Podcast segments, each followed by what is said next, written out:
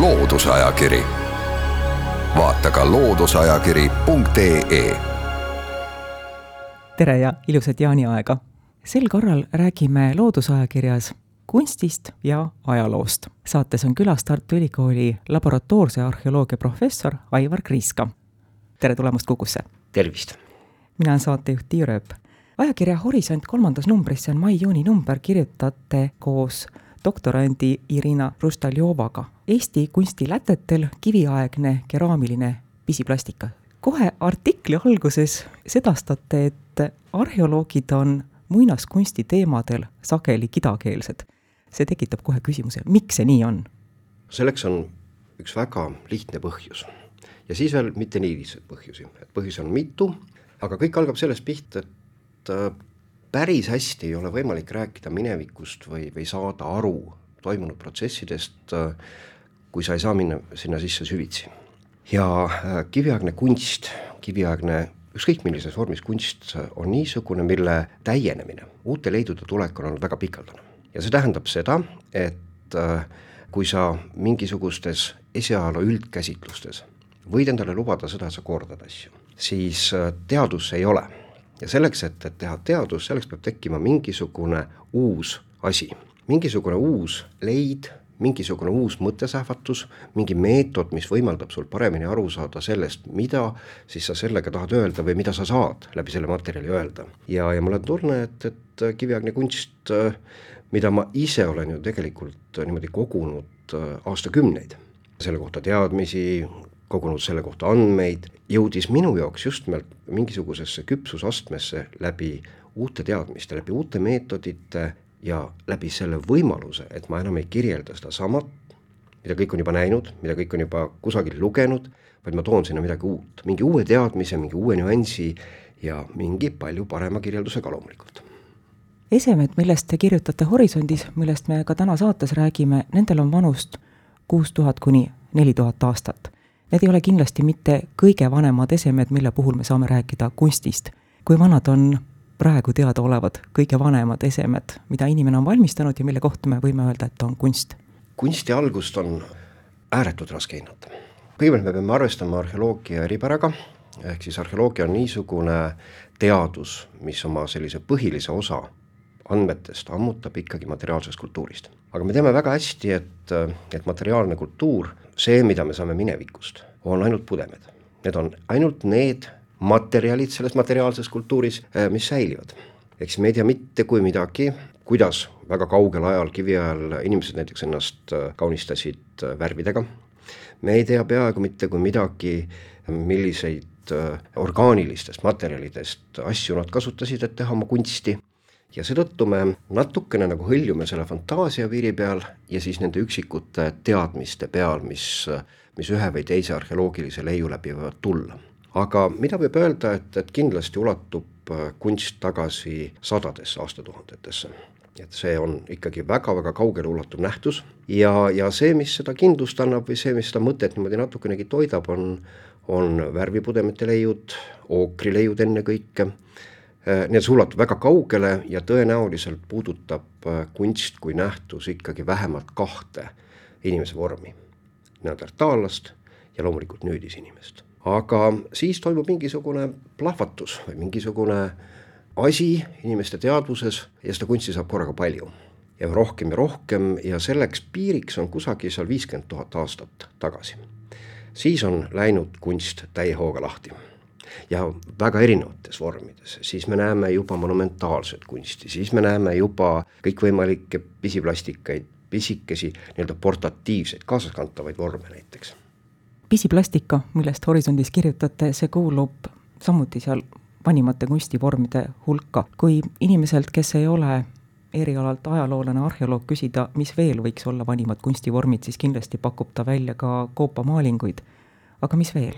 No kopamaalingud on jah, niisugune asi, mis, mis on saanud äh, ikkagi väga-väga suurt äh, tähelepanu ja, ja kahtlemata nad on selle ka ära teeninud. see on väga väärikas ja väga võimas kunstiliik, äh, aga, aga see ei ole kindlasti ainus just, ehk siis et pisiplastikast rääkides, meil on väga erinevatest materjalidest väga erinevaid kujutisi, aga on veel üks vorm, mida on kasutatud läbi kiviaja ja, ja mis on mitte vähem uhke, see on äh, gravüür, ehk siis erinevatele materjalidele, kividele, väga sageli luudele, sarvematerjalile on äh, peale kraabitud kujutisi. et on antropomorfseid kujutisi, on zoomorfseid kujutisi, ehk siis looma või inimest või midagi nende sarnast, ja, ja siis on loomulikult ka sellist abstraktsemat või geomeetrilist kunsti. Ja, ja needki kunstivormid on, on päris kaugele ajas tagasiviidavad, ikkagi väga sügavale, kümnete tuhandete aastate taha, ja, ja needsamad kunstivormid on meil siinsamas Põhjalas, nii kogu selle Läänemere ruumis kui, kui ka Eestis endas. et kui me räägime Eesti kunstist kui niisugusest, siis äh, see pisiplastika teema ja just nimelt keraamilise pisiplastika teema on ainult üks viis selle kunstile lähemale jõuda ja isegi veelgi kaugemale ajas tagasi ulatub just nimelt see gravüür. kui me tuleme nüüd Eestist leitud kiviaegse pisiplastika, keraamilise pisiplastika juurde, kui palju meil seda leitud on? sellega on nüüd niisugune lugu, et äh, Horisondi artiklis me anname koos Riinaga numbriks äh, sada kakskümmend viis. aga me ei ole peatunud, ehk siis äh, tehes tööd kogu aeg vanade leiukollektsioonidega ja vaadates seda läbi, tuleb neid tükikesi juurde, nii et praegu ma usun, et, et kui me räägime kusagil saja viiekümnest tükikesest, nendest mõnedki on siis terved, siis see võiks olla see koguarv üleüldse, mis meil siis praegu seda materjali kasutada on. seda ei ole palju, aga ega seda vähe ka ei ole. kui me võrdleme Eesti alalt leitud pisiplastikat, analoogseid leide on ju mujalt maailmast ka, kas meie asjadel on mingi oma eripära ka? kõigepealt peab ütlema, et eks, eks see keraamika on ikkagi keraamika. et äh, see tähendab seda, et, et äh, võetakse savi, põletatakse see ära ja saadaksegi tulemus. ja see on üks, üks väga kaval inimese leiutis, sellepärast et sisuliselt läbi selle oli võimalik anda ja säilitada vormi. ehk siis luua midagi, sisuliselt ka muuta seda materjali ja, ja see vorm ja see antu säilib selles materjali sees, selles mõttes on, on keraamika keraamika aga mis teeb siis Eesti ja, ja tegelikult naaberalade, Läti ennekõike, Soome ennekõike, Karjala Venemaal, mis teeb selle pisiplastika eriliseks, on just nimelt see, et äh, kogu seda ala kannab mingisugune ühtne alatoon. mingisugused ühtsed mõtted, mingisugused ühtsed vormid, mida on proovitud selles kunstis edasi anda, mida on hoitud, millega on tegeletud väga põhjalikult ja üks oluline nüanss, miks me erineme päris rohkesti sellisest või päris palju sellisest mujal teadaolevast keraamilisest kunstist, on see, et, et kui me võtame inimfiguurid, siis enamasti maailmas on äh, peaaegu alati rõhutatud sootunnuseid. eks me teame, et kujutatud on naist või meest ja me teame ka seda, et enamasti kujutati naisi, siis äh, meie kummaline Läänemere piirkonna pisiplastika on, on üpris äh, sootu.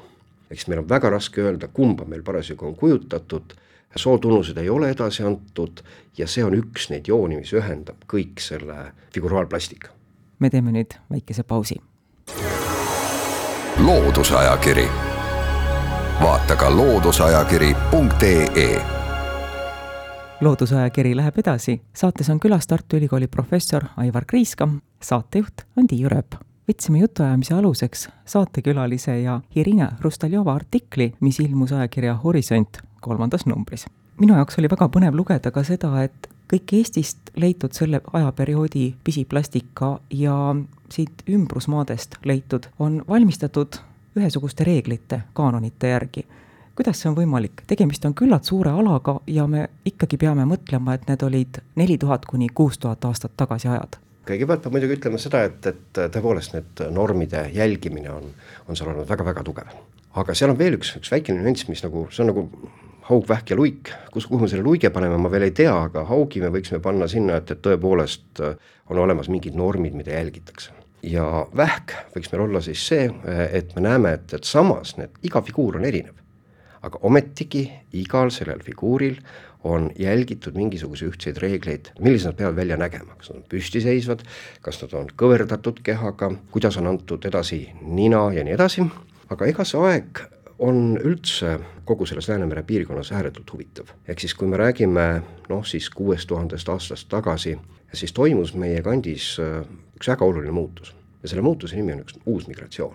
ehk siis äh, sellel ajal on tulnud Eestisse, Lätisse, Soome juurde inimesi me teame ka noh, geneetiliste uuringute, siis paleogeneetiliste uuringute järgi, et need inimrühmad on tulnud siia idapoolsetelt aladelt, sellepärast et niisugune nii-öelda geneetiline pilt meil senimaani puudus niisugusel puhtal kujul ja samas idapoolsetel aladel see on olnud. lisaks kõigele muule, et me teame, et, et äh, need inimesed äh, on siia alale tulnud, kohanenud, leidnud siin oma, oma uue kodu ja, ja ilmselt on selles protsessis osalenud ka neid inimesi, kes on siis elanud siin aladel varem. lisaks sellele arheoloogiline materjal näitab tohutuid kontakte ehk siis ükskõik, kus me selle nii-öelda kammkeraamika kultuurialal ei võta mingisuguse koha ette, me leiame sealt merevaiku, mis pärineb kusagilt Lääne-Lätist, Lääne-Leedust, me leiame sealt niisugust huvitavat kivimit nagu metatuff, vulkaaniline kivim, mille looduslik päritolu koht on äh, Äänisjärv. ja seda kivi ja sellest valmistatud esemeid võime me leida kuni Leeduni välja, Lätini välja, Soomes, Eestis ja täpselt samamoodi on veel üks kivim, mis on tulekivi. ja ka selle liikumisteede puhul me näeme kontakte, mis ulatuvad äh, sadade kilomeetrite kaugusele, ulatuvad Kesk-Venemaani, ulatuvad äh, Lõuna-Leedusse, Põhja-Valgevenesse, nii et nende inimeste jaoks ma usun, et selline tuhat kilomeetrit ei olnudki nii-öelda väga suur vahemaa ja see uus rahvastik ja selle põhjal kujunenud nii-öelda materiaalne kultuur on täiskontakte mistõttu ühelt poolt on see siis nagu väga ootuspärane, et kui muutub rahvastik, kui äh, muutub materiaalne kultuur, siis selle taga peab olema natukene teistsugune ühiskond ja selle taga me näeme nüüd väga selgelt ka teistsuguseid usundeid. Nad on midagi uskunud teistmoodi kui need inimesed siin alal, kes elasid siis enne ja nad on hoidnud äh, üleval väga erinevaid kontakte, aga muuhulgas ka mingisuguseid tõekspidamisi, arusaamisi, kuidas ja mida uskuda. väga põnev oli Horisondist lugeda ka seda, et ähm, suur osa sellest keraamilisest pisiplastikast, mis Eestist või siit naabermaadest leitud on, see on katki. Te tegite kindlaks, et need on purustatud tahtlikult terve maailma pisiplastikast rääkides, keraamilisest pisiplastikast rääkida, siis on, see on üks üldinimlik komme. ilmselt see materjal võimaldas lõhkuda ehk siis me näeme neid äh, lõhkumisrituaale jällegi siis Mesoameerikas ja, ja täpselt samuti Kesk-Euroopas, aga ka siin on see lõhkumine olnud tähtis ja noh, see mõte hakkas toimuma väga lihtsalt, sest enamik nendest äh, kiviaegsetest asulakohtadest paiknevad liivapinnal. ja noh, kuidas ka ei proovi niisugust väikest keraamilist käkki, on ikka väga raske puru saada sellega mängides või seda lihtsalt vastu liiva visates, sellega ei juhtu mitte kui midagi. ehk siis teisisõnu, selleks, et seda tükeldada, selleks peab olema ikkagi väga selgelt teadlik tegevus ja, ja tõepoolest me võtsime selle noh, idee tõestamiseks appi eksperimentaalse arheoloogia, et me uurisime seda, millised jäljed, murdumisjäljed on tekkinud nendele kujudele, nendele kiviaegsetele kujudele ja, ja tegime katseid. Vaatasime, kas me suudame ja millisel viisil me suudame tekitada samasuguseid lõhkumis- või lõhestusjälgi tänapäeval. Ja me võime tõepoolest öelda seda, et see tulemus on niisugune, et me võime noh, täitsa sajaprotsendiliselt öelda, et seda on lõhutud, seda on lõhutud kahel viisil, löödud seda puru kuskile toetades või löödud seda puru käest, aga ma kasutan veel siin natukene seda, seda, seda mõttelõnga arendust edasi, et, et kui me panime kõik need äh, leiud ühes asulakohas, Jägala-Jõesuu viiendas asulakohas kaardile, siis tegelikult seal see vauelamus üldse tekkis et äh, sealt tekkis see tunne, et, et nüüd me oleme valmis kirjutama sellel teemal ja selle põhjuseks oli just nimelt ühelt poolt see, et me nägime, kuidas ta on lõhutud, aga me nägime ka kohti, kus ta on lõhutud. ehk siis äh, Riina tehtud äh, ruumianalüüs, mis siis äh, võtab teadmise leidudest nende omavahelises paiknemises, võtab äh, ja paneb kokku teadmised veel mingitest struktuuridest, mida me nendest kiviaegsetest asulakohtadest kaevame välja näitas, et meil on tegemist kohtadega, kus on paiknenud elamud ja, ja see oli selline ma ei ütleks, et see on väga suur üllatus, sellepärast et niisugust mõtet on juba varem välja käidud, aga niisugusel viisil, et, et äh, see on silmaga näha. see on äh, ühemõtteliselt kindel, et enamik selle asulakohast leitud tükke on hoones sees, näitas meile kahte asja, ehk siis elamutes on tehtud mingisuguseid rituaale me esmakordselt tegelikult suutsime selle tõestada ära, et, et kiviaegne elamu ei ole mitte ainult see koht, kus elati, vaid kiviaegne elamu oli ka see koht, kus usuti. seda võis enne uskuda, aga nüüd me suutsime seda tõestada, pannes kokku siis äh, eksperimentaalsed uuringud ja ruumianalüüsi. milline oli üks kiviaegne elamu? Meil on selles kiviaja kontekstis noh, erinevaid elamuid, ehk siis ma armastan kasutada arhitektuuri kiviaja kohta ja täiesti teadlikult ma kasutan seda moodsat sõna, sellepärast et arhitektuuriks, mida meil on vaja, meil on vaja, et on olemas ühelt poolt funktsionaalsus, ehk siis peab vett, annab sooja või, või noh, ütleme ei lase külma läbi tarvidusel, aga veel üks väikene nüanss ja see on traditsioon ehk siis arhitektuur sünnib sel hetkel, kui on olemas ehitustraditsioon ja me sellel kiviajas me tõepoolest näeme, et, et meil on äh, niisugused traditsioonilised käitumised ja traditsioonilised elamute vormid. Ja Eesti on niisugusel piiril, kus kohas äh, rannikul me kohtame maapinda süvendatud põrandaosaga elamuid, sisemaalt me neid ei tea ja ei tea, ei tea ka Lätist, ei tea ka Leedust ja just nimelt Liina praegu uurib seda, kuidas äh, nii-öelda järgmine selline süvendpõhjaliste elamute traditsioon on alles kusagil seal Valgevenes ja, ja lõunapoolses Leedus ja veelgi lõuna pool, me oleme jah, niisuguses kahe traditsiooni piiril, ühelt poolt on need siis olnud maa peal ehitatud, tõenäoliselt püstkonstruktsioonis mingisugused püstpalkides konstruktsioonis mingisugused ehitused, ja teine traditsioon on siis, kus hoone põhjaosa on kaevatud natukene sügavamale maapinda. ja mõlemas erinevas maja vormis me saime kätte selle kunsti ja, ja mingisuguse usundise käitumise lõpetuseks tahaks pärida needsamad keraamilised pisiplastikakujukesed. kas meil on mingigi võimalus teada saada, milleks neid tehti, milleks neid kasutati? küll tahaks teada.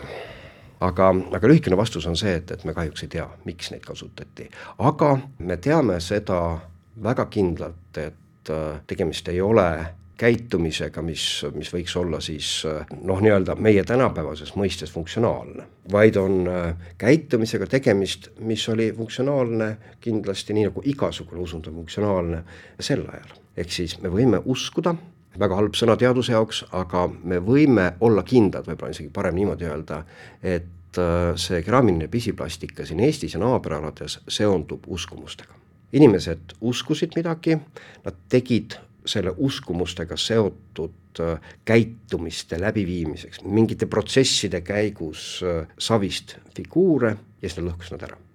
mul on kahju, aga aeg on tõesti sealmaal, et me peame selleks korraks saate ära lõpetama. aitäh, Aivar Kriiska saatesse tulemast, aitäh kuulajatele, head jaani! head jaani jah. loodusajakiri vaata ka looduseajakiri.ee